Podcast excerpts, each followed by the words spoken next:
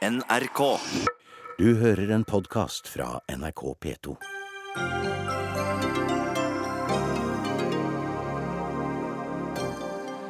Fortsatt stor motstand innad mot regjeringsdeltakelse for KrF, men mange mener også at det er veien å gå for å få gjennomslag for politikken.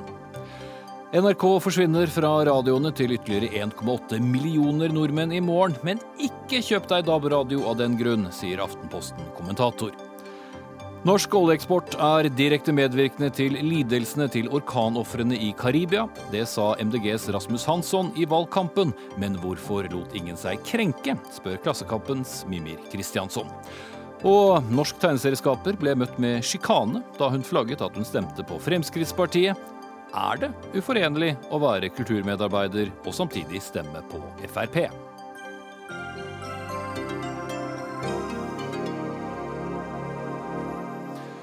Velkommen til eh, Dagsnytt 18 med Espen Aas. Bør KrF gå i regjering selv om det betyr et eh, samarbeid med Frp? De siste dagene har det dukket opp stemmer som tar til orde for nettopp det.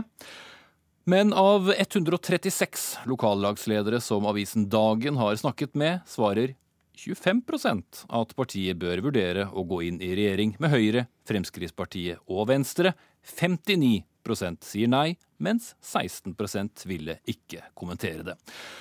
Arne Inge Mathisen, du er leder av Bærum KrF og med oss på linje fra Stavanger. Du er ikke med i denne undersøkelsen, men i VG i dag så kan vi like fullt lese at ditt klare råd til partiledelsen er å gå i regjering. Hvorfor? Jo, det er eh, forholdsvis lett å, å, gi uttrykk for. Altså KrF gikk til valg for en ikke-sosialistisk regjering med Erna som statsminister. En regjering med sentrum Høyre. Dog uten deltakelse med Frp.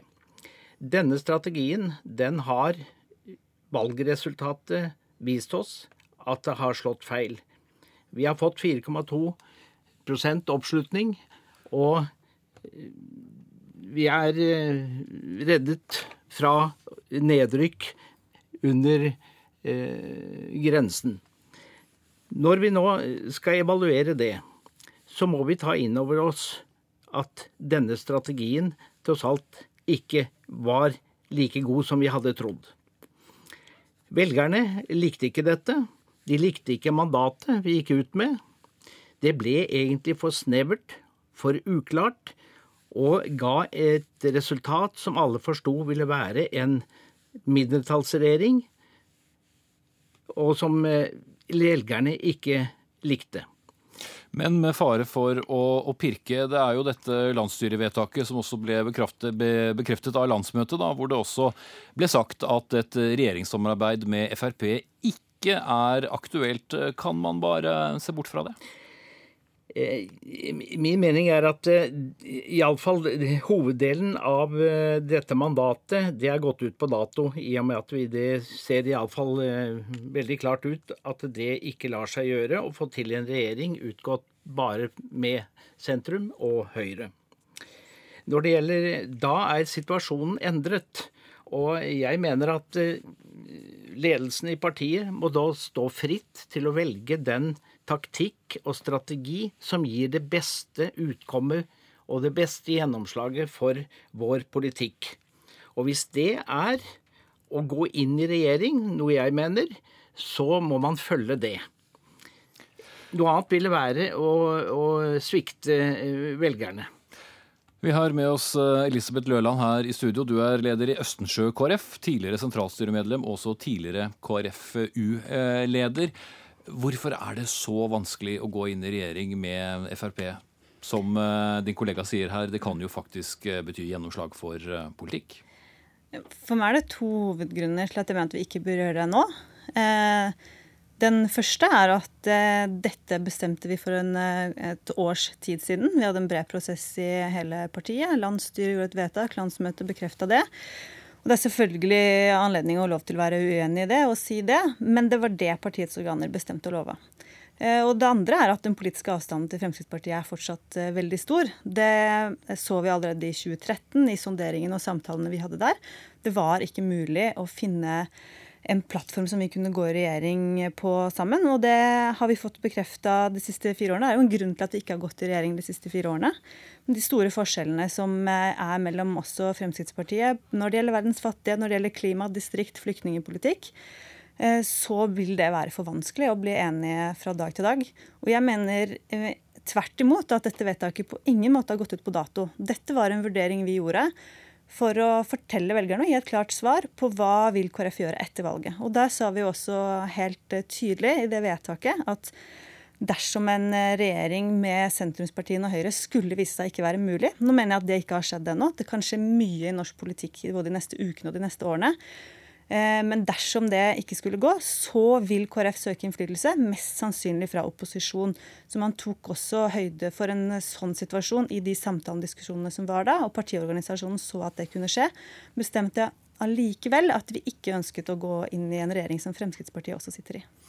Men man kan jo også se for seg at dette blir en fryktelig uspennende tilværelse i fire år, eh, hvor dere har isolert dere både fra den sittende regjeringen og delvis også fra opposisjonen.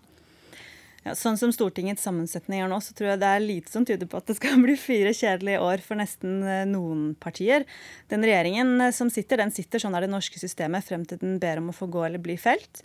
Eh, men den må søke flertall i Stortinget. Det er mange flertall i Stortinget på store saker nå som vil kunne danne andre politiske meninger, andre politiske flertall enn det regjeringen er enig i. Så de kommer til å måtte føre en politikk som det er flertall for i Stortinget. Det er Stortinget som bestemmer i Norge. Og der kommer KrF til å ha en veldig viktig stemme, nettopp fordi veldig mange potensielle flertall vil være avhengig av oss. Så jeg tror at eh, de som stemte KrF, eh, de kommer til å få stort utbytte for eh, stemmene sine de neste fire årene, med masse innflytelse fra, fra KrF. Om det skjer fra opposisjon, eller som vi skulle ønske oss eh, etter en stund, om vi kommer i en situasjon hvor vi kunne danne en regjering sammen med Høyre, eh, Venstre og eh, eventuelt Senterpartiet, hvis de ønsker å være med i noe sånt. Arne Inge Mathisen, er det argumenter du er med på? Ja, delvis. Det, det er klart at når du kommer i en slik vippeposisjon, så vil du ha en, en, en makt, og du kan danne allianser. Men det er også det å si at eh, de som sitter ved makten og sitter i regjering, har også da mulighet til å danne flertall med andre enn KrF. Det velgerne våre ønsker, det er at partiet skal De stemte på at de skal få reell makt. Og mye makt ligger egentlig i regjeringen. Hvis du sitter i regjeringen og, og, har en eller flere statsrådsposter, så ligger det mye makt i å, å forvalte beslutte og utforme politikk i mange store og små praktiske hverdagspolitikk for disse statsrådene. Og jeg mener også det, at det, det, hører vel egentlig til sjeldenhetene at et parti som er med å vinne valget, frivillig da går etterpå i opposisjon. Jeg tror det er en eh, forholdsvis vanskelig oppgave å formidle det til velgerne. Bare også en ting til, eh, Løland, før du får svare. Er det ikke også et poeng at dersom dere hadde gått inn i regjering, så ville det jo blitt færre Frp-statsråder, og det er vel for så vidt litt i tråd med det dere skulle ønske dere? Jeg kan jo forstå at det er fristende på den måten, eh, men det er heller ikke sånn at KrF kan eh, gå inn i et sånt samarbeid fordi man får statsrådstitler. Altså dette må handle om en politisk plattform. Og vi har jobbet for bare fire år siden med å se om det var mulig å lage en sånn politisk plattform, plattform med Fremskrittspartiet. Eh, og det viste seg den gangen eh, å ikke være mulig. Men eh, jeg vet jo at Mathisen har god erfaring tidligere, og topp topperfaring for å jobbe med mindretallsregjeringer. Eh, og de som har det fra den generasjonen, kan også fortelle om veldig mange gode eh, gjennomslag. Men jeg tror veldig mange norske velgere har litt glemt mindretallsregjeringkonseptet. For det er mange år siden vi hadde en mindretallsregjering i Norge. Men jeg tror vi kommer til å få se det fremover. Eh, kanskje ikke den regjeringen som sitter i dag i hele fire år. Og det vil skje masse spennende eh, ting på Stortinget. Og KrF kommer til, er jeg helt sikker på, å få gjennomslag for familiepolitikk, distriktspolitikk, bioteknologi, fattigdomsbekjempelse. Mange saker som er viktige for oss. Men det er også veldig lenge siden sist KrF satt i regjering. Det er faktisk tolv år siden eh, dere travet ut av eh, regjeringskontorene. Blir dere et litt eh, skal vi si, politisk uklart opposisjonsparti som hører litt til på venstresiden og litt til på høyresiden? Ja, Det er mange år siden vi satt i regjering, og det er jo nok grunnen til at første setning i det vedtaket som vi refererer til i dag, eh, sier at KrF ønsker å gå i regjering. Og vi ønsker fortsatt å gå i regjering, og våre folk jobber for det. Og så jobber vi ut fra et valgresultat der det ikke lå an til det i første omgang. Men eh, jeg ser for meg at det eh, absolutt kan skje i løpet av de neste fire årene at KrF sitter i en regjering, og da gjerne en regjering som ledes av Erna Solberg, selv om Fremskrittspartiet ikke er med. Arne Inge Mathisen, eh, vil det bre seg en viss frustrasjon i grasrota i partiet over å ikke komme i regjering når dere faktisk har blitt invitert inn? Ja, jeg tror faktisk det. Eh, ved å gå inn i en regjering så vil vi kunne forskyve hele tyngdepunktet i regjeringen. Og regjeringen vil dermed kunne føre en litt annen politikk enn den ellers ville gjøre. Og eh, selv om vi forhandlet om dette for fire år siden Altså fire år er lenge i politikken. Og veldig mye kan skje, som Elisabeth sier. Men jeg er utålmodig. Nå er sjansen der. Og hun sa til og med det at eh, vi ønsker å komme i regjering. Da er også sjansen der nå. Og så får man i alle fall utstyre ledelsen med frie tøyler til å forhandle. Og så får man heller komme tilbake og vise hvilket resultat man har fått. Og så får da eh, de som sitter i ledelsen i partiet, vurdere fordeler og ulemper med det resultatet som man har forhandlet frem. Man, jeg reagerer på det at man på forhånd har angst for å gå inn i noe. Altså Så farlig tror jeg ikke det er. Ved å ta ansvar så vil vi bli mye mer synlige. Vi får statsrådsposter, og vi kan formidle vårt syn og politikk på en helt annen måte enn om vi blir sittende i, opposisjon. Vi setter strekk der og sier takk til deg, Arne Inge Mathisen, og også til Elisabeth Løland, som blir sittende litt til. Eh, og minner da også om at eh, statsminister Erna Solberg har invitert inn de fire ikke-sosialistiske partiene til et møte senere denne uken. Men vi går over til deg, politisk redaktør i Adresseavisen, Tone Sofie Aglen. I en kommentar i din avis i dag så skriver du at eh, når en hører hvordan KrF og venstrefolk snakker om seg selv, kan en lure på om de virkelig vil at partiet sitt skal dø. Og hvis vi tar utgangspunkt i KrF, da, hva slags politisk eh, selvmord er partiet i ferd med å begå her? Nei, Jeg mener at uh, partiet har vært utrolig uklar i denne valgkampen. Det er et uh, ordtak som heter at uh, dersom du jager to harer, så fanger du ingen. Det syns jeg er en veldig god beskrivelse av KrF sin opptreden. Og det å styre landet, det er ikke et seminar. Jeg tror de har mye å tjene på å bestemme seg, ta et litt tydeligere valg og stå på det. Og så er det også det, når jeg hører hvordan KrF i fire år har snakka om å samarbeide med regjeringa som vondt, vanskelig, krevende. Jeg så partiets førstekandidat her i Trøndelag omtalte situasjonen nå som et valg mellom pest og kolera. Eh, da blir jeg forundra over at partiets eh, velgere også er skeptiske til regjeringsdeltakelse. For jeg tenker jo at den posisjonen KrF har nå, er jo en, virkelig en gyllen mulighet til å få stort gjennomslag. De burde virkelig brette opp armene og se på mulighetene, istedenfor å dvele så mye ved hvor vanskelig det er, og ikke minst eh, avvise et regjeringssamarbeid uten at de i det hele tatt har snakka med regjeringa om hva de faktisk kan bli enige om. Men i en valgkamp der eh, KrF-leder Hareide gang på gang gikk i klinsj med Sylvi Listhaug og nærmest tok avstand der avstand kunne finnes, ville ikke det være et større politisk selvmord å nettopp gå inn i regjeringen eh, med et parti som, eh, som de kritiserte så mye? Jo, jeg tror at det har vært litt problemet til Hareide, er den oppførselen han har hatt. Og det har jo satt ned den posisjonen han er nå, at det er veldig vanskelig å gå inn eh, i et regjeringssamarbeid, nettopp pga. den retorikken han har hatt i valgkampen. Men hvis man skal se litt på realpolitikken, som er kanskje mener er det viktigste, så har jo KrF og Venstre for den del fått et veldig stort gjennomslag. Og jeg tror at velgerne deres er nok mer opptatt av hvor mye politikk man får igjennom. Og jeg syns det blir litt sånn rart når man konkludere før man i det hele tatt har sondert om det faktisk er mulig å få en enighet. Og så tror jeg man står seg mye bedre på å begrunne et eventuelt ikke-samarbeid med reelle saker, reell politisk uenighet, istedenfor type følelser og en sånn eh, følelse av at man ikke liker Sylvi Listhaug eller andre ting knytta til regjeringa. Hvor mener du KrF politisk befinner seg nå etter dette valget, hvor de eh, ifølge deg da har, har virret litt i, i føleriet? Nei, Det er jo ikke noe tvil om at det er store spenninger i KrF. Der har du alt fra de mørkeste mørkeblå til dem som nesten kunne vært med SV, bare at de er litt mer kristne. Skal vi se litt sånn på bakgrunnstallene i denne valgkampen, så tyder det på at de har mista veldig mange velgere til Høyre og KrF. Jeg tror jo også at eh, KrF bør se litt på hva som virkelig kjennetegner det partiet og gjør dem unikt, det er verdisakene.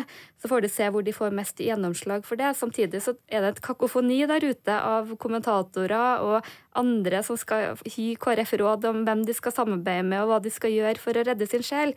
Jeg tror nok partiet gjør klokt i å lytte litt mer til seg sjøl, men jeg tror også at de, de må bestemme seg, for den veldige uklarheten de har vist så lenge, det tror jeg er veldig skadelig for partiet.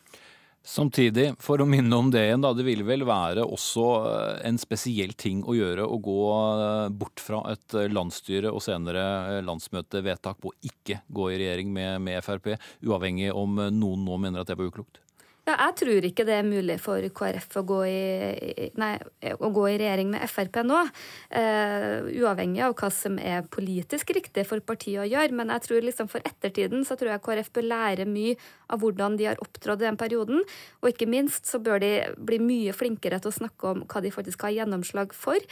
Og ikke minst så må de definere et politisk prosjekt og si hva er det KrF vil få til de neste fire årene. Og så får de nå vurdere om det er gjennom regjering, eller om det er i opposisjon opposisjon, eller om det er ved å felle regjeringa. Det ligger litt til KrF, men jeg tror de bør ta en tydeligere beslutning.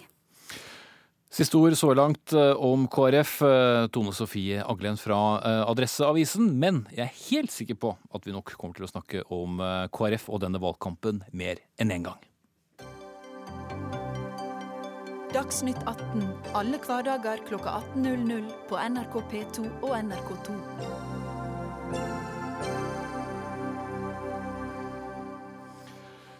I morgen klokken 11 over 11 så slukker NRKs FM-sendinger for nye 1,8 millioner innbyggere. Til sammen vil FM-nettet da være slukket for 4,9 millioner, og de må bruke DAB-radio for å kunne høre på NRKs kanaler. Eller må de det? Det er helt unødvendig å kjøpe DAB-radio, skriver du, Joakim Blund, kommentator i Aftenposten. Hvorfor skal vi spare oss disse utgiftene? Det er eh, fullt mulig å lytte til NRK-kanalene uten å bruke en DAB-radio. Du kan eh, Hjemme har de fleste internett, så da kan du strømme f.eks. med den utmerkede appen til eh, NRK. Koble til en høyttaler eller hva nå enn har. Og når du er ute og kjører, så vil du de aller fleste steder ha god nok dekning til å strømme fra mobilen til bilstereoen din, som du kan koble til med en kabel eller på Bluetooth. Det hørtes ut som en dyr løsning på sikt, litt avhengig av hva slags avtale du har med mobilleverandør. Ja, Det som er en dyr løsning, er jo å ettermontere en DAB-radio i bilen din. Det, er, det, kan i mange tilfeller være en kjempekostnad, i noen tilfeller opp i 13 000-14 000 kroner. Og du betaler datatrafikk eh, når du strømmer over mobilen når du er ute og kjører bil. Men de kostnadene er likevel utrolig små i den sammenligningen. Du kan strømme radio i mange, mange år før du kommer opp i den prisen du betaler for å ettermontere en bilradio. Ole Jørgen Tormark, daglig leder i Digital Radio Norge. Vi har hørt snakk om DAB-radioer i jeg vet ikke, er det 20 år snart. Er det ikke et poeng at verden har gått videre? Ja, Vi har nok hørt om DAB-radio i, i, omtrent 20 år, og det er ganske nøyaktig like lenge som vi har hatt eh, internettradio. Eh, men jeg er jo helt enig med Lund her om at eh, man ikke må skaffe seg DAB-radio. Altså Man kan fint bruke internett hvis man, eh, hvis man er fornøyd med det. Eh, men det er, et, det er et krav i Norge om at radio skal være enkelt å bruke, det skal være tilgjengelig overalt. Eh, og det skal være gratis. Og der er ikke helt internett ennå. Eh, så kan det hende vi kommer dit, men jeg tror også det er litt lett for en aviskommentator innenfor Ring 3 å sitte og si at internett løser alt.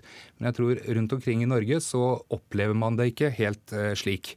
Og så tror jeg igjen også at til syvende og sist så handler jo radio først og fremst om innhold. Og det er, det er, det som er viktig her. Og så finner folk da de løsningene de ønsker når det gjelder duppeditter. For vi er mer opptatt av det som, heldigvis, det som kommer ut av høyttaleren, enn hvordan signalene kommer inn i boksen. Men det er lett å få inntrykk av at du må ha DAB-radio?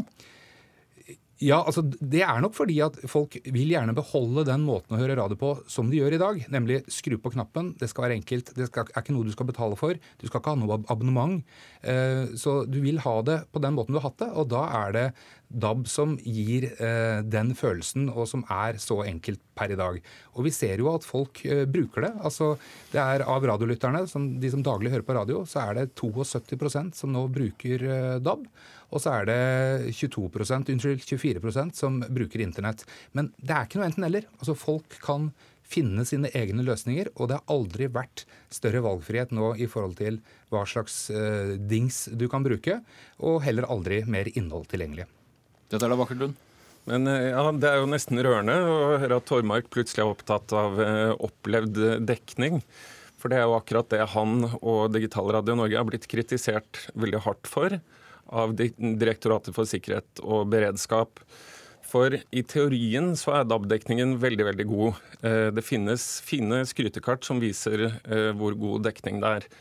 Men det krever altså en korrekt montert utvendig antenne på bil, sier de. Har du en innvendig antenne innenfor glass, så er den opplevde dekningen mye, mye dårligere. DSB har sagt at dette må Tormark og de andre ta alvorlig. Og det er jo rørende, da, hvis de endelig gjør det. Jeg kan love at uh, kringkasterne og vi tar dekning veldig alvorlig, fordi vi vil faktisk ha med oss alle lytterne. Uh, radiokanalene lever av lytterne, så det er noe vi tar veldig alvorlig. Og eh, dekningen er både målt av myndighetene og vi har kjørt over 50 000 km gjennom flere år langs alle norske veier for å måle at dekning og kart faktisk stemmer. Men så er eh, Lund inne på her et viktig poeng, og det er nemlig at man må ha utstyr i orden. Og man må faktisk ha et utstyr som virker slik det er tiltenkt. Eh, og som med andre type bokser og dingser vi bruker, så er det ikke like god kvalitet på alt. Og det fungerer heller ikke så godt hvis du ikke bruker det sånn som det var tiltenkt. Og Derfor så er vi veldig opptatt av at folk må få hjelp. Enten så må de gå tilbake til det stedet hvor de kjøpte, fikk montert utstyret hvis det ikke fungerer, eller de kan kontakte oss via både telefon og nett for å få eh, informasjon, tips, råd som de trenger for å få dette til. Fordi DAB er litt annerledes enn FM. Det er kringkasting, men det er litt annerledes, og da er det et par ting vi må lære oss, som vi har lært oss gjennom 60 år når det gjelder FM. Man kan jo få inntrykk av at noen også har blitt skremt unna, for lyttertallene har jo eh, falt eh, på radio der eh, F-nettet er eh, såkalt eh, slukket, i hvert fall hvor de store kanalene eh, har forsvunnet. Du kan komme tilbake til det, men eh, Lund? Uh, ja, lyttertallene har falt. det. Det er noe av det som er litt spennende nå. Da, å se om de tallene kommer tilbake igjen, i hvert fall på DAB. Jeg tviler på det. Det som er morsomt her, er at spør du teknologer Jeg har fortsatt ikke møtt en teknolog som synes at DAB er en god idé. De synes alle som en. IKT Norge sier at dette er en dyr og unødvendig omvei til eh, digitalradio. Og folk kommer til å finne ut at de ikke trenger eh, DAB med alle DABs begrensninger for å lytte til eh, digital radio. Programtilbudet er dårlig. Nord for Trondheim finnes det ikke lokale tilbud på DAB. Så jeg ser ikke helt at DAB kommer til å få den populariteten som FM har hatt. DAB er allerede den absolutt mest brukte plattformen, og 82% av alle nordmenn har skaffet seg minst én DAB-radio. Og 72% av radiolyttingen foregår eh, der.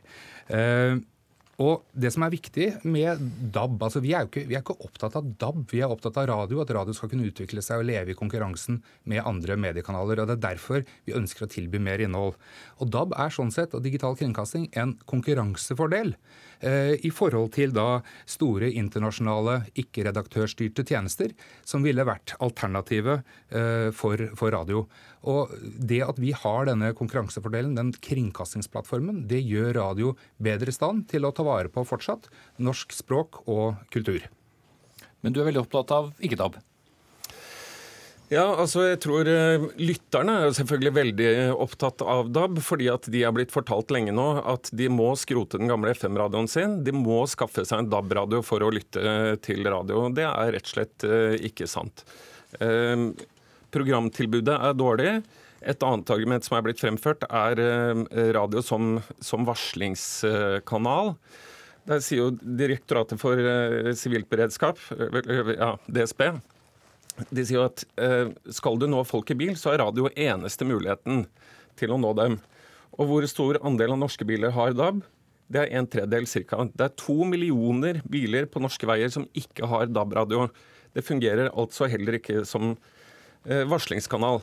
Og leser du eh, den svenske riksrevisjonen, så er, er summen av alle de tingene her nok til at de holder på FM en stund til, og sier at kombinasjonen FM og strømming er godt nok inntil videre. Det skulle vært litt av en snuoperasjon nå, kanskje? ja, det tror jeg vi kan si. Eh, men, men, det her var en lang liste. Eh, man må ikke skaffe seg DAB, eh, men folk velger det. De fleste har valgt det, som, som hører mye på, på radio. Men kringkasteren satser mye på internettjenester, apper. Vi har vel kanskje de beste i Europa. slik at for radiokanalene så har det ikke noe å si om du lytter på, på DAB, eller om du lytter via internett eller digital-TV. I, I, dag har vi vel kanskje Det er vel eneste programmet hvor vi kanskje har flere lyttere via TV enn vi har via eh, DAB. Dårlig programtilbud? Vel, det har aldri vært et større og mer rettferdig programtilbud i Norge. Altså I landet, igjen utenfor Ring 3 og i mer grisgrendte strøk du kommer, har det på FM bare vært fra én til kanskje fem-seks kanaler. Nå er det stort sett for hele landet 30 radiokanaler, og NRK kan komme ut med sitt tilbud til hele befolkningen. DSB har vel vært først og fremst mest opptatt av at i perioden fram til folk har skaffet seg DAB-radioer, så kan det være et sikkerhetsaspekt. Men nå har folk stort sett skaffet seg DAB-radio. Det er like mange nå husstander som har DAB, omtrent, som har FM. Men det står selvfølgelig litt igjen på antallet. Uh, og når det gjelder andel DAB i bil, ja, bil er det, det, vanskeligste. Det er det ingen tvil om. Og det har folk lenge sagt, at det venter de med til, til FM slukker. Men der stiger også tallene. Uh, nå er vi oppe i 44% som har DAB i bil. Og ser du på de som faktisk lytter på radio, så er det 54% som har DAB i bil. Og det er før vi da har slukket, og før folk sier at de, de store uh, mengdene av folk sier at de faktisk skal gjøre det. Så det er suksess uansett, sett med dine øyne? Altså, Radioskiftet er en stor teknologisk omlegging. Det er et komplisert skifte. Det krever masse av lytterne. Det har vi stor respekt for. Og både kringkasterne og, og vi i Digitalradio Norge er svært takknemlige selvfølgelig for den innsatsen folk gjør. Og så pleier jeg å si at ja, det koster litt nå. Det koster litt å kjøpe seg en ny radio. Du må ikke kaste den gamle. Har du et gammelt klenodium eller en, en, en, et gammelt stereoanlegg, så kan du kjøpe deg en adapter. Du må slett ikke kaste den. Men må, noen radioer gjør du kanskje det med, og i bilen må du kjøpe deg noe ekstra. Men til gjengjeld så er altså eh, radioen det eneste du kan bruke helt gratis. Du har en engangskostnad nå, men så kan du bruke det gratis. Og det kan du ikke med noen andre medietilbud. Og så tror jeg også det at eh, redaktørene i Aftenposten de jeg vil tro at de bekymrer seg omtrent hver dag for at de er avhengig av Google og Facebook for å komme ut med sitt innhold. Og nå ønsker de altså at kringkasterne skal havne i den samme klemma. Det er ikke vi interessert i.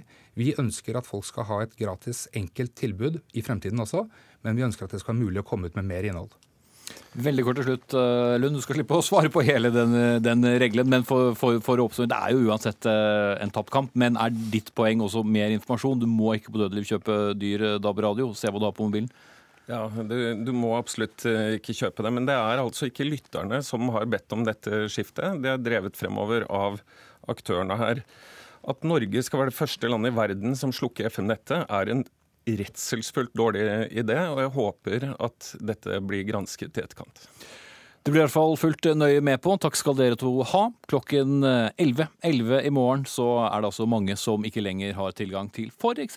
Dagsnytt 18 og P2 over vanlig radio, men selvsagt er vi da altså å finne på digitalradio på den ene eller andre måten.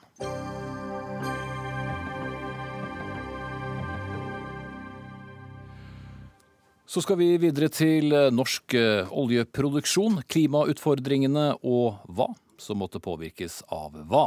For ekstremværet Maria nådde i morges land på øya Dominica i Karibia. Den er nå nedgradert til en kategori fire orkan, men er fremdeles svært kraftig, med sterke vinder og mye regn. Og i valgkampen så sa også eh, Miljøpartiet De Grønnes talsmann Rasmus Hansson at norsk oljeeksport var direkte medvirkende til de lidelsene som mennesker i Karibia møtte pga. ekstremvær. Og Mimir Kristiansson, nyhetsleder i Klassekampen, et innlegg på Facebook på søndag skriver du sitat dette er en sjukt sterk anklage, egentlig. Sitat slutt. Hva legger du i dette? Nei, det som jeg eh, syns altså På en måte er jo anklagen helt riktig. Altså Alle klimagassutslipp over hele verden er medvirkende til de eh, ekstremværstyrken det har fått i Karibien.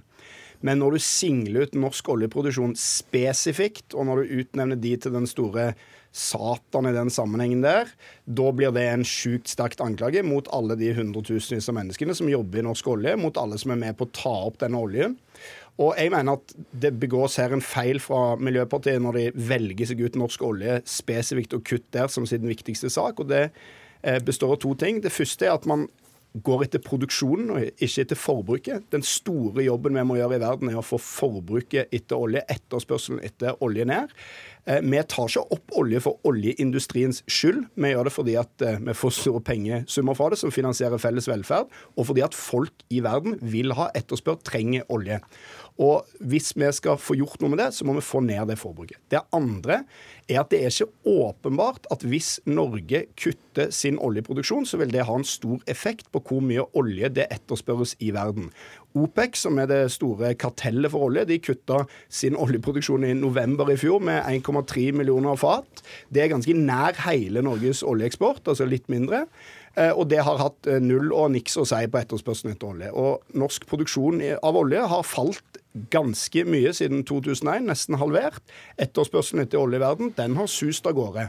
Og for at vi skal gjøre et såpass alvorlig tiltak for eh, norsk velferd, norsk økonomis del, som å kutte ut hele norsk oljeproduksjon i løpet av få år, så tror jeg vi er nødt til å være rimelig mye sikre på klimaeffektene av det enn vi er i dag. Det risikoen bare er at andre oljeprodusenter pumper opp sin produksjon. Du får akkurat like mye olje i verden, og Norge blir bare et fattigere land og får mindre økonomiske muskler til å bidra til klimakutt på andre områder, gjennom rensing av gass, gjennom utbygging av fornybar energi, gjennom investeringene våre i oljefondet, gjennom elbilsatsingen som De Grønne skal få honnør for å, å stå i spissen for, osv. osv. Rasmus Hansson, var det å dra det litt langt at uh, norsk oljeindustri hadde nærmest blod på hendene her? Eh, jeg har ikke brukt ordene blod, ikke sjuk, ikke Satan, ikke at dette er folk eh, som jobber i olja sin skyld. Så hvis vi kan legge liksom, det sprøytet der til side, så sjekka jo NRK eh, påstanden min. Eh, og fikk svar fra klimaforskerne. Det jeg sier er riktig. Eh, og det er selvfølgelig eh, fordi eh, olje er en viktig del av årsaken til den globale oppvarmingen. Og den globale oppvarmingen er en viktig del av årsakene til at vi får en mye høyere frekvens av, av uvær av en type som vi aldri har sett før. Og dette sier jo Mimmi Kristiansson seg enig om, så la oss bli ferdig med det. Og norsk olje har en direkte effekt på det som rammer folk på stillehavsøyer og i kystområder som får en type uvær på seg som de aldri har hatt før. Det er det eh, det internasjonale FNs klimapanel hele tiden har slått fast. Dette kommer til å bli konsekvensen av klimaendringene, og det blir mer av det. Og så, er spørsmålet, og så er spørsmålet har vi i Norge et ansvar eller ikke. Og da må jeg si altså, herre jemini, selvfølgelig har vi det. Og skal vi ikke ta det ansvaret? Skal vi la være å ta det ansvaret på basis av verdens aller dårligste unnskyldning, nemlig at hvis ikke vi gjør disse dumme tingene, så fortsetter noen andre å gjøre det likevel, så da kan vi like, like godt fortsette? Nei, vi skal ikke det. Vi skal ikke legge skylda på oljearbeiderne, og det har jo aldri vært i nærheten av Miljøpartiet De Grønnes tenking. Det er bare Høyre og Klassekampens kommentatorer som sier sånt. Eh, det vi sier, er to ting. Norge må ta et ansvar for at vi er en stor bidragsyter til eh, global oppvarming. 16 milliarder tonn CO2 er det vi har sluppet ut gjennom vår oljeeksport eh, gjennom de siste 50 åra. Det er mye. Eh, og det andre er vi skal ta ansvar for de folka som jobber i olja, i den perioden som er igjen av oljevirksomheten, som kommer til å bli kort, og som kommer til å bli en bratt nedtur. For å ta det ansvaret, så må vi begynne å legge planer for hvordan vi skal avvikle denne virksomheten. Ikke overlate det til OPEC og internasjonale øh, øh, krefter. Og ta kverken på norsk oljeproduksjon gjennom priskonkurranse, sånn at bra norske oljearbeidere ramler ut i uforutsett arbeidsledighet. Vi skal ta vare på de folka. De er kjempeflinke. De skal inn og drive det grønne skiftet. Og det skal vi legge en plan for, og det er poenget til Miljøpartiet De Grønne. Mimir Kristiansson, er dere egentlig så uenige? Ja, vi er uenige om oljepolitikken. Jeg er veldig glad for å, å høre Rasmus her det han sier om oljearbeiderne. Jeg tror mange oljearbeidere i Norge føler, og har følt i mange år, at det de driver med, som er et oppdrag de har fått fra staten Norge, ikke har blitt eh, satt tilstrekkelig pris på eller forsvart, eh, men tvert imot har blitt utsatt for, for ganske harde angrep. Det den skylden der skal vi ikke legge på Miljøpartiet, for det er vel så mye de store partiene i Norge som ikke vil snakke om sin egen oljepolitikk, eh, som er å bore etter olje i Norge fordi det er bra for Norge, men kanskje ikke vil forsvare den næringen som det er snakk om. Så til det vi er uenige om, og som er, er viktig altså det, Du kan selvfølgelig si på en sånn lufta til for alle måter at, at eh, norsk oljeproduksjon har noe å si for klimaendringene i verden. Det er selvfølgelig helt riktig, men altså alle utslipp i verden har noe å si for klimaendringene i verden. Altså Min Mac hjemme har noe å si for eh, klimasituasjonen i verden. At jeg tok drosje opp hit, har det. Rasmus sykler, da, så han kan få honnør for det. Denne sendingen vi sender nå, det vi spiser hver dag, det forbruket vi har i Norge. Og ved å flytte skylda ene og alene over på den norske oljebransjen, så mener jeg at man begynner i feil ende. Man burde begynt i den enden som handler om å begrense et altfor høyt forbruk av energi og andre ting, og ikke i den enden der man begynner med norsk oljeproduksjon. Og det er du Miljøpartiet De Grønne er jo det partiet som eh, fremmer en politikk på Stortinget som øh, ønsker å øh, roe ned den vanvittige forbruksveksten, som ganske riktig er det grunnleggende årsaken til både klimaproblemer og miljøproblemer osv. Det stemmer ikke andre partier for. Eh, selv om de samme partiene har skrevet under på FNs bærekraftmål, hvor bærekraftmål nummer tolv er bærekraftig forbruk og produksjon. Eh, så jeg er fullstendig enig men det er, med Mimir Kristiansson eh, så langt. Men det jeg jo er fullstendig uenig i det med deg det er jo noe som det virker som du sier at fordi at det finnes mange flere årsaker til klimaendring enn bare olje, så skal man ikke peke på olja. Eh, og det er en merkverdig eh, oppfatning etter mine begreper, ettersom alle er enige om at det fundamentalt viktigste årsaken til global oppvarming er bruk av fossile brensler, kull, olje og gass. Og hele poenget med Parisavtalen, hele poenget med klimapolitikk, det er å stanse bruken av fossil energi. Og så vil jeg gjerne plukke opp ett poeng til som du eh, og dine venner i Høyre, Arbeiderpartiet og Norsk olje og gass eh, i denne sammenhengen og hele tiden, hele tiden halv, halv, Halve LO. Husk, halve LO. Eh, stadig plukker opp. Nemlig eh, påstanden om at verden trenger norsk olje. Norge selger olja si til EU for så mange penger vi bare kan. Vi selger ikke en dråpe olje til fattige folk i Tanzania. Og det fattige folk i Tanzania trenger, er ikke en energiform som bringer dem tørke, regn på feil tider og uh, stadig større problemer med å uh, opprettholde livsgrunnlaget. Det de trenger, er ren energi. Det de trenger, er at Norge investerer i at de får en energitilførsel uh, som ikke ødelegger livsgrunnlaget deres. Og forestillingen om at Norge skal selge dem olje for å redde dem fra framtida, det er stikk i strid med all vettug oppfatning av hva verden trenger, og hva fattige land trenger. Så for det første, jeg, og det er norsk oljenæring òg for øvrig, for å bygge ut så mye fornybar energi som det bare går an. Så, så den motsetningen der, spørsmålet vi snakker om nå, er hvilken nytte har det at Norge kutter sin oljeproduksjon hvis vi ikke kan være sikre på at det medfører at mindre olje blir brent i verden. Og Det er en reell innvending som man er nødt til å svare på. For som Rasmus Hansson sier, har ikke vi som et rikt land et ansvar? Jo, vi har et ansvar. Men hva er det ansvaret? Det er å redusere verdens klimagassutslipp. Og hvis det altså bare er moralsk symbolpolitikk at vi kutter vår oljeproduksjon, fordi det ikke vil lede til at det blir redusert oljeproduksjon i verden. Og jeg minner om igjen, siden 2001 har Norges oljeproduksjon falt og falt og falt. og falt. Etterspørres olje i verden som aldri før. Eh, vi har et OPEC-kutt som nesten er nær vår oljeproduksjon. Det har minimalt med effekt. Så at Norge skal på en måte gå i front for å ruinere seg og sine muligheter til å påvirke klimaet på en god måte, uten klimaeffekt? Det er spørsmålet. Og så vil jeg bare Der, Statistisk sentralbyrå har altså regnet på dette, og det er de eneste som har gjort det. De har regnet på effekten av at Norge eh, men, men for å svare på det, han, han spør om blir det ikke lett symbolpolitikk? Og svaret fra Statistisk sentralbyrå er nei, det blir ikke symbolpolitikk. Det påvirker eh, tilbudet etter olje på verdensmarkedet hvis, olje, eh, hvis Norge kutter oljen. Rent fysisk. I tillegg så er jo selvfølgelig den politiske signaleffekten at det rikeste landet i verden sier nå tar vi neste skritt. Nå går vi ut av denne, uh, av denne oljeavhengigheten, akkurat som Tyskland har besluttet å gå, komme seg ut, uh, og Sverige å komme seg ut av atomkraften. Den politiske uh, effekten av det er jo stor. og det, skal, det, det blir jo helt meningsløst å se bort fra det signalet i tillegg. Og for Norge, og det er jo like viktig, så er det jo altså helt åpenbart veldig fornuftig å begynne å putte ressursene våre inn i det vi skal leve av i framtida, og ikke binde opp det som i dag er sju ganger så høye investeringer i fortsatt oljevirksomhet som i fastlandsindustrien. Det er rett og slett dum arbeidslivspolitikk og dum industripolitikk. Dessverre må det bli siste ord, mine herrer. Mimir Kristiansson fra Klassekampen og Rasmus Hansson fra Miljøpartiet De Grønne.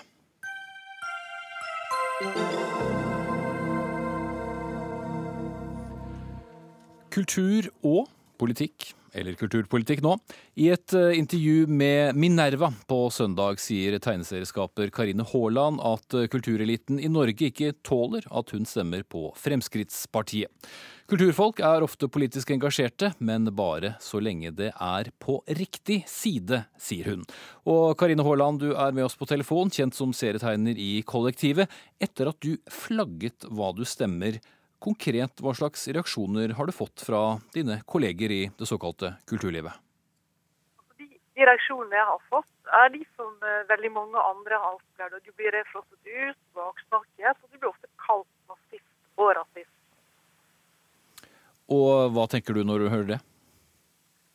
Da tenker jeg det at uh, det er merkelig at folk som ber om et varmere samfunn, snakker sånn. Hvorfor er Fremskrittspartiet riktig parti for deg?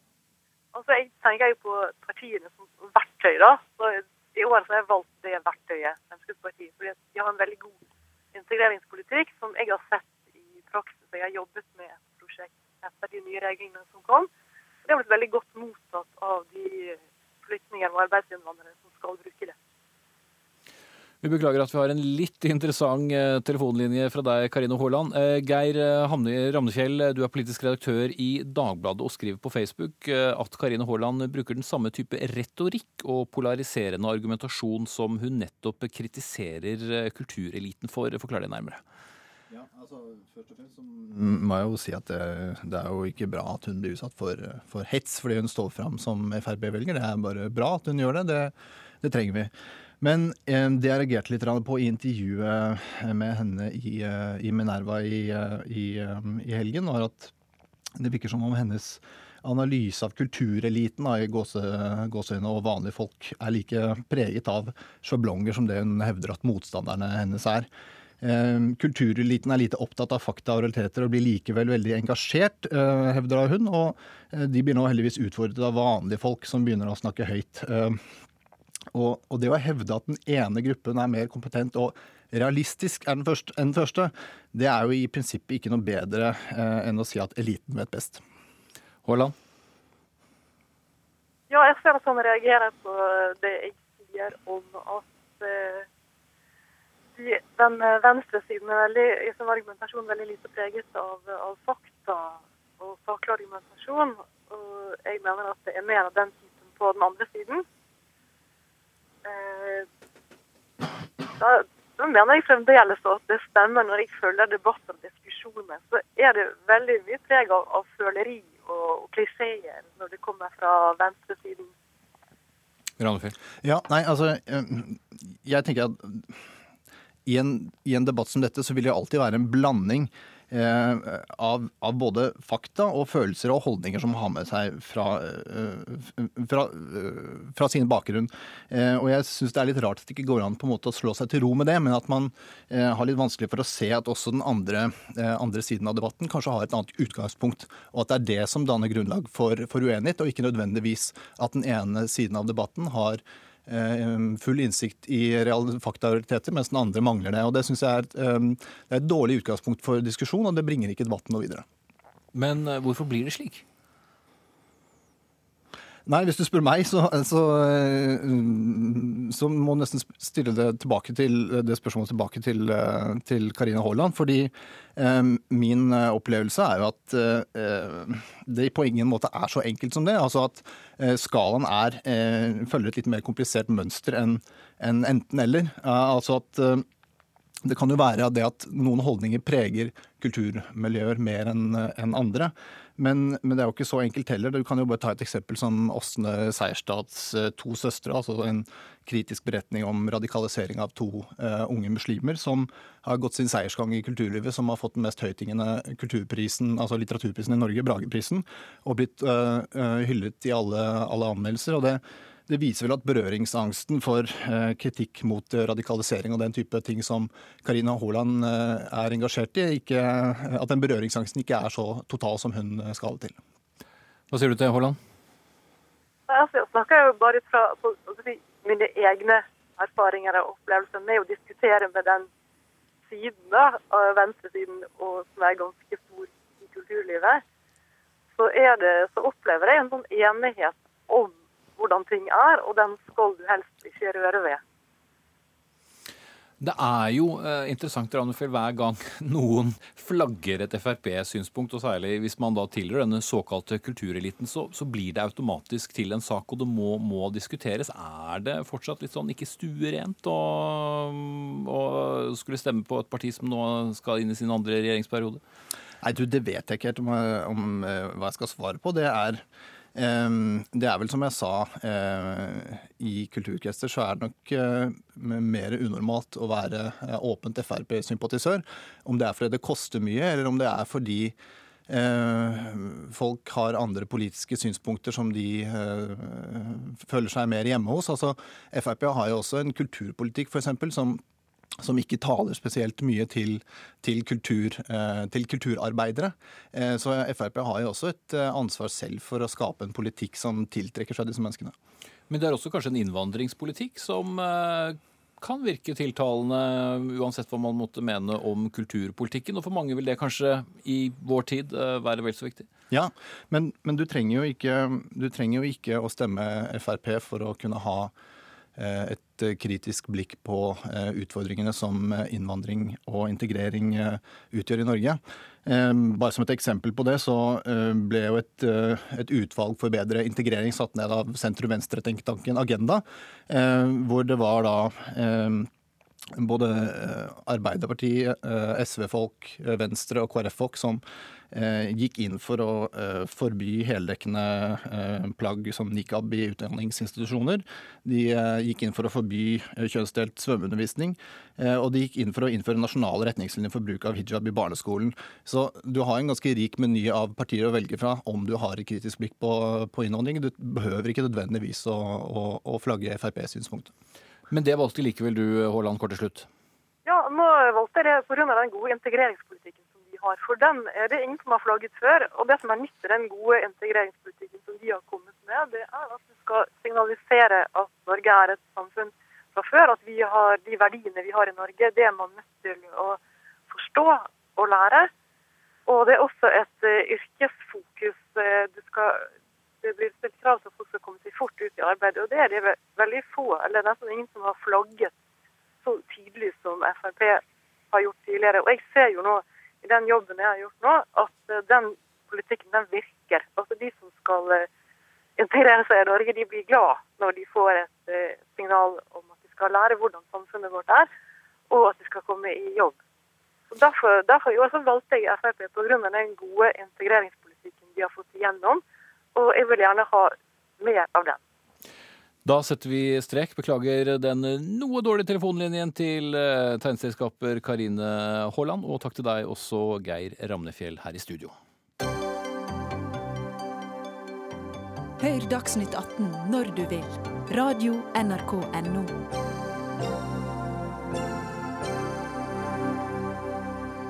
Valgkamp og SMS nå, men eh, kanskje ikke de SMS-ene alle tenker på. Vi skal nemlig til Bergen kommune, som sendte ut to ulike tekstmeldinger til ulike bydeler for å forske på retorikk og valgdeltakelse i forkant av årets stortingsvalg. Det fikk eh, BTs kommentator Mathias Fischer til å reagere, og mener at undersøkelsen aldri burde vært gjennomført, og også kan ha påvirket valgutfallet. Og bare for å ta innholdet først, på den første SMS-en sto det sitat Hei, vet du at de fleste i ditt område pleier å stemme? Bergen hadde høyere valgdeltakelse enn Oslo og Trondheim sist stortingsvalg. Husk å stemme på mandag. På den andre SMS-en sto det sitat Hei, Husk å stemme på mandag. Din stemme kan avgjøre valget. Og Mathias Fischer, du er med oss på linje fra Bergen. Hvorfor reagerte du så sterkt på disse to tekstmeldingene? Ja, problemet her er jo at disse tekstmeldingene er ment til å finne ut om den ene vil føre til høyere valgdeltakelse enn den andre. Altså Man ønsker å sjekke opp mot hvem som fikk SMS-ene, om valgdeltakelsen øker i akkurat de valgkretsene. Og Da er jo hele grunntesen at de kommer til å øke valgdeltakelsen for noen. Og Når man da velger ut noen grupper som får den ene SMS-en, som man antar at vil øke valgdeltakelsen mer enn andre, så er det da noen velgere som får den. Og Geografisk så er det ganske store skillelinjer mellom hvilke partier folk stemmer på. Sånn at Hvis du sender en tekstmelding til én valgkrets og ikke til en andre, så er det kanskje et eh, rød-grønt flertall i den første valgkretsen og et borgerlig flertall i den andre valgkretsen. Og Hvis du da øker valgdeltagelsen med et så lite som ett prosentpoeng i den rød-grønne valgkretsen fordi at du sendte den ene tekstmeldingen dit, og du ikke får den samme effekten i den borgerlige valgkretsen, så vil du da få et utslag i at flere stemmer på de rød-grønne partiene. Det, det, kan man føle seg ganske trygg på at kan komme til å skje. Det var noen kanskje og kan komme til i resonnementet ditt der, Fischer. Men mener du at de kan ha påvirket eh, valgresultatet? Ja, det mener jeg ganske klart. Eh, gitt at eh, gitt at tesen her til han som forsker på, på, retorikk og påvirkning her, er noenlunde riktig at det er forskjell på hva slags budskap som sendes ut, så jeg tror man kan si at hvis valgdeltakelsen økte blant den ene gruppen som fikk den ene SMS-en, mer enn den økte blant, i den andre gruppen som fikk den andre SMS-en, så har det sannsynligvis ført til et annet valgresultat enn det ville ført til dersom de SMS-ene ble byttet om. Det kan, være, det kan, være, veldig få stemmer, men det, kan, det er en endring av valgresultatet eh, som har skjedd på grunnlag på, fordi kommunen her gikk med på et forskningsprosjekt i forbindelse med et stortingsvalg. Vi skal eh, til forskeren eh, om ikke så lenge, men vi skal innom eh, Mjarte Mjøs Persen, ordfører og leder av valgstyret i Bergen. Hva var nå egentlig formålet med denne undersøkelsen, og hvorfor satte dere den i gang? I et demokrati så er høy valgdeltakelse utrolig viktig, og det har vært et overordnet nivå, eh, mål for Bergen kommune sitt valgstyre å få høyest mulig valgdeltakelse. Det er på en måte tverrpolitisk oppslutning om, har vært det gjennom mange år. og Også regjeringen har eh, slått fast, bl.a. i demokrativeilederen, at det er det. Og jeg mener jo det at Den argumentasjonen som Fischer har, den gir mening dersom han hadde vært mot å sende ut en SMS. fordi at her er jo den store valgkretsen, det er jo Hordaland fylke. Og Der er store forskjeller mellom kommunene, og mange av kommunene i Hordaland er mindre enn én valgkrets i Bergen sjøl. Og så er det jo eh, klart at eh, når det gjelder eh, eh, konklusjonen, så trekker jo Fischer den delvis på feilaktig grunnlag. fordi at her er det jo ikke delt på bydelsnivå, det er delt på valgkretsnivå med to populasjoner som er tilnærmet like, eller så like som det går an å få det når det gjelder demokrati, når det gjelder lønn og inntektsnivå osv. I Åsane bydel f.eks. så har eh, to helt i tilliggende valgkretser fått ulike SMS. Så jeg mener at eh, konklusjonen han trekker her, er feil. Når det er sagt, så syns jeg at det er fint om vi har en diskusjon om hvordan vi kan få til å øke valgdeltakelsen og hvordan man kan gjøre det. Bergen kommune har satt i verk mange tiltak for å øke valgdeltakelsen. Og det kan selvfølgelig ha påvirket valgresultatet. Jeg skal ikke se bort ifra det. det Men gjorde dere de vurderingene overhodet på forhånd før dere sa ja til dette? Alle var jo ikke helt enige i at dere skulle gjøre det. Høyre var imot? Ja, det endte jo med at de stemte for det, da, sekundært. Eh, fordi at eh, de ville også eh, argumenterte for at man skulle både sende SMS, at det var viktig at man skulle øke valgdeltakelsen, eh, og stemte sekundært for å sende også denne SMS-en eh, som vi snakker om her. Men vi gjorde jo andre tiltak. Blant annet så hadde vi jo informasjon om hvordan man skulle stemme på bybanetraseen. Det er jo også et tiltak som på en måte kanskje enda i mye større grad gjelder på bydelsnivå, i og med at Bybanen i Bergen kun går i Søndre bydel. Og Der kan man også si at informasjonen ble skeivt fordelt. Vi eh, hadde også eh, laget til en sentral i Bergen kommune, der alle kommuner rundt Bergen kunne komme inn til Bergen den siste lørdagen, hente sine forhåndsstemmer og levere andre. Det er også et tiltak som gjorde at mange flere forhåndsstemmer ble talt ved dette valget. Men hvis vi holder oss hadde, til SMS-ene her, Mjarte Mjøs eh, Persen, og lar deg stoppe opp litt og går videre til Poenget mitt er at vi gjorde mange tiltak som hadde som formål å øke valgdeltakelsen, og dette var et ett av de. Og det viktigste tiltaket, nemlig å få frem flere forhåndsstemmere før, det faktisk hadde en eh, effekt på hvilket resultat det ble. En Frp-er eh, røk ut av Stortinget fra Hordaland, og en venstremann kom inn eh, på fast plass, noe som gjør at Senterpartiet fikk utjevningsmandat. Da er det faktisk en realitet. Her har vi fått mye innføring i hvordan eh, dere jobbet i, Bergen før valget. Ole Andreas Halse Næss, du er doktorgradsstipendiat ved No- Norges handelshøyskole og sto bak denne undersøkelsen. Du mener at Fischer har misforstått i kritikken her. Hva er det han ikke har forstått? Ja, ja, dette kunne umulig ha påvirket eh, valgutfallet. Rett og slett fordi de to gruppene er demografisk så like som mulig. Vi har bevisst valgt ut valgkretsene slik at de skal være så like som mulig. F.eks. er utdanningsnivået eh, det samme i begge eh, gruppene. Begge, I begge gruppene 37 og høyere utdanning. Hvis vi ser på oppslutningen ved forrige valg, så var den 62% i begge gruppene. Hvis vi ser på andel Ap-velgere, så var den nøyaktig lik ved forrige valg i de to gruppene. Så gruppene er rett og slett så like som mulig. Så det er ikke slik at vi vil påvirke én gruppe folk mer enn andre. Så det tror jeg at han har misforstått. Fischer, eh, satte du ikke godt nok inn i dette? Altså, det, det er riktig at jeg, presis, at jeg forklarer det litt feil i den kommentaren jeg skrev. Jeg, jeg misforsto litt av det eh, Ole Andreas eh, sa til meg da jeg skrev kommentaren. Men jeg mener at min, mitt budskap ikke har blitt noe svakere av den grunn. Tvert imot så har jeg blitt mer overbevist om at her har kommunen begått en feil. Hvordan da? For, fordi at eh, her har man åpenbart, basert på den beskrivelsen som nettopp kom fra stipendiaten, eh, vært bevisst på problemstillingen og forsøkt å konstruere to grupper og påstår at de skal være så like som overhodet mulig. Eh, Men det kan de ikke være. De kan aldri være så like at de ikke vil få et visst utfall dersom det er forskjellig valgdeltakelse. Han sier at det er like mange Ap-velgere i hver av disse kretsene. Er det like mange SV-velgere? Er det like mange Rødt-velgere? Like mange MDG-velgere? Er de totalt like i valgdeltakelse? Skal dette her være forskningsetisk forsvarlig, så må man være helt sikker på at det ikke vil føre til et annet utfall. Halsenes? Ja, og så Det som også er et viktig poeng, er her at det er ikke gitt på forhånd at det er den ene av disse meldingene som skal ha noe å si, og ikke den andre.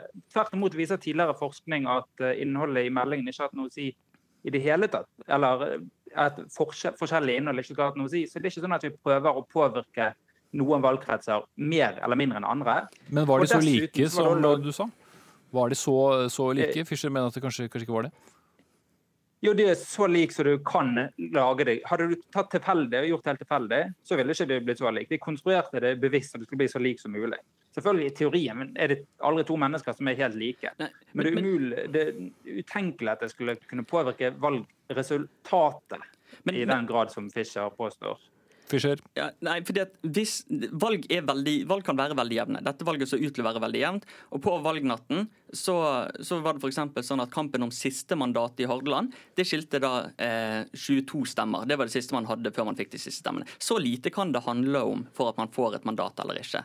Og da er det nettopp sånn at den ene gruppen, dersom man hadde fått et eh, signifikant utslag her, så kunne det ha ført til at ett parti fikk 14 stemmer mer, 22 stemmer mer. Kanskje det. Og det kunne vært akkurat nok til at de fikk seg det direktemandatet. Det kunne det ha vært. Det kan det ha vært. Eh, det kan det den type resultater kan man få. Og Jeg synes jo at eh, kanskje det aller viktigste her er jo det at det kan like gjerne ha hatt noe å si at de andre kommunene i Hordaland gjorde noe annet eller ikke gjorde noen ting eh, enn det Bergen gjorde. Det kan jo ha like mye å si. Og jeg synes jo at det hovedproblemet her er jo at i den den valgkretsen i Bergen kommune som har lavest valgdeltakelse, så er det altså 75,1% av velgerne som stemmer. I den som har høye, så er det 87,2. Det Ja, alt... er det store problemet her, at det er altfor stor forskjell mellom de ulike valgkretsene om hvem som stemmer. Og det eh, er et overordnet nivå, og har vært det i veldig mange år, også lenge før eh, denne ordføreren ble leder av valgstyret, eh, nemlig å få flere til å gå og stemme. Og vi har kanskje lykkes litt, fordi at vi har, fått, har en av de høyeste valgdeltakelsene valgdeltakelsen med 81,8 i Bergen, 81,1 i Hordaland. dette handler, nasjonalt dette, handler, er dette handler ikke om kampen om å øke valgdeltakelsen. Dette handler om at man bruker demokratiet og velgerne som et forskningsprosjekt på retorikk. Man har mulighet til, her til å påvirke valg. Man sender ut til absolutt alle Bergens innbyggere for å å finne ut hvilken setning som er mest retorisk fornuftig for å øke valgdeltakelsen. Demokratiet er ikke et laboratorium. det er få ting som er vanskeligere enn å styre tre bergensere som ikke er i samme studio som meg, men vi må faktisk sette strek der. Ansvarlig for eh, Dagsnytt 18 i dag var eh, Dag Dørum. Teknisk ansvarlig Hanne Runås. Jeg heter Espen Aas.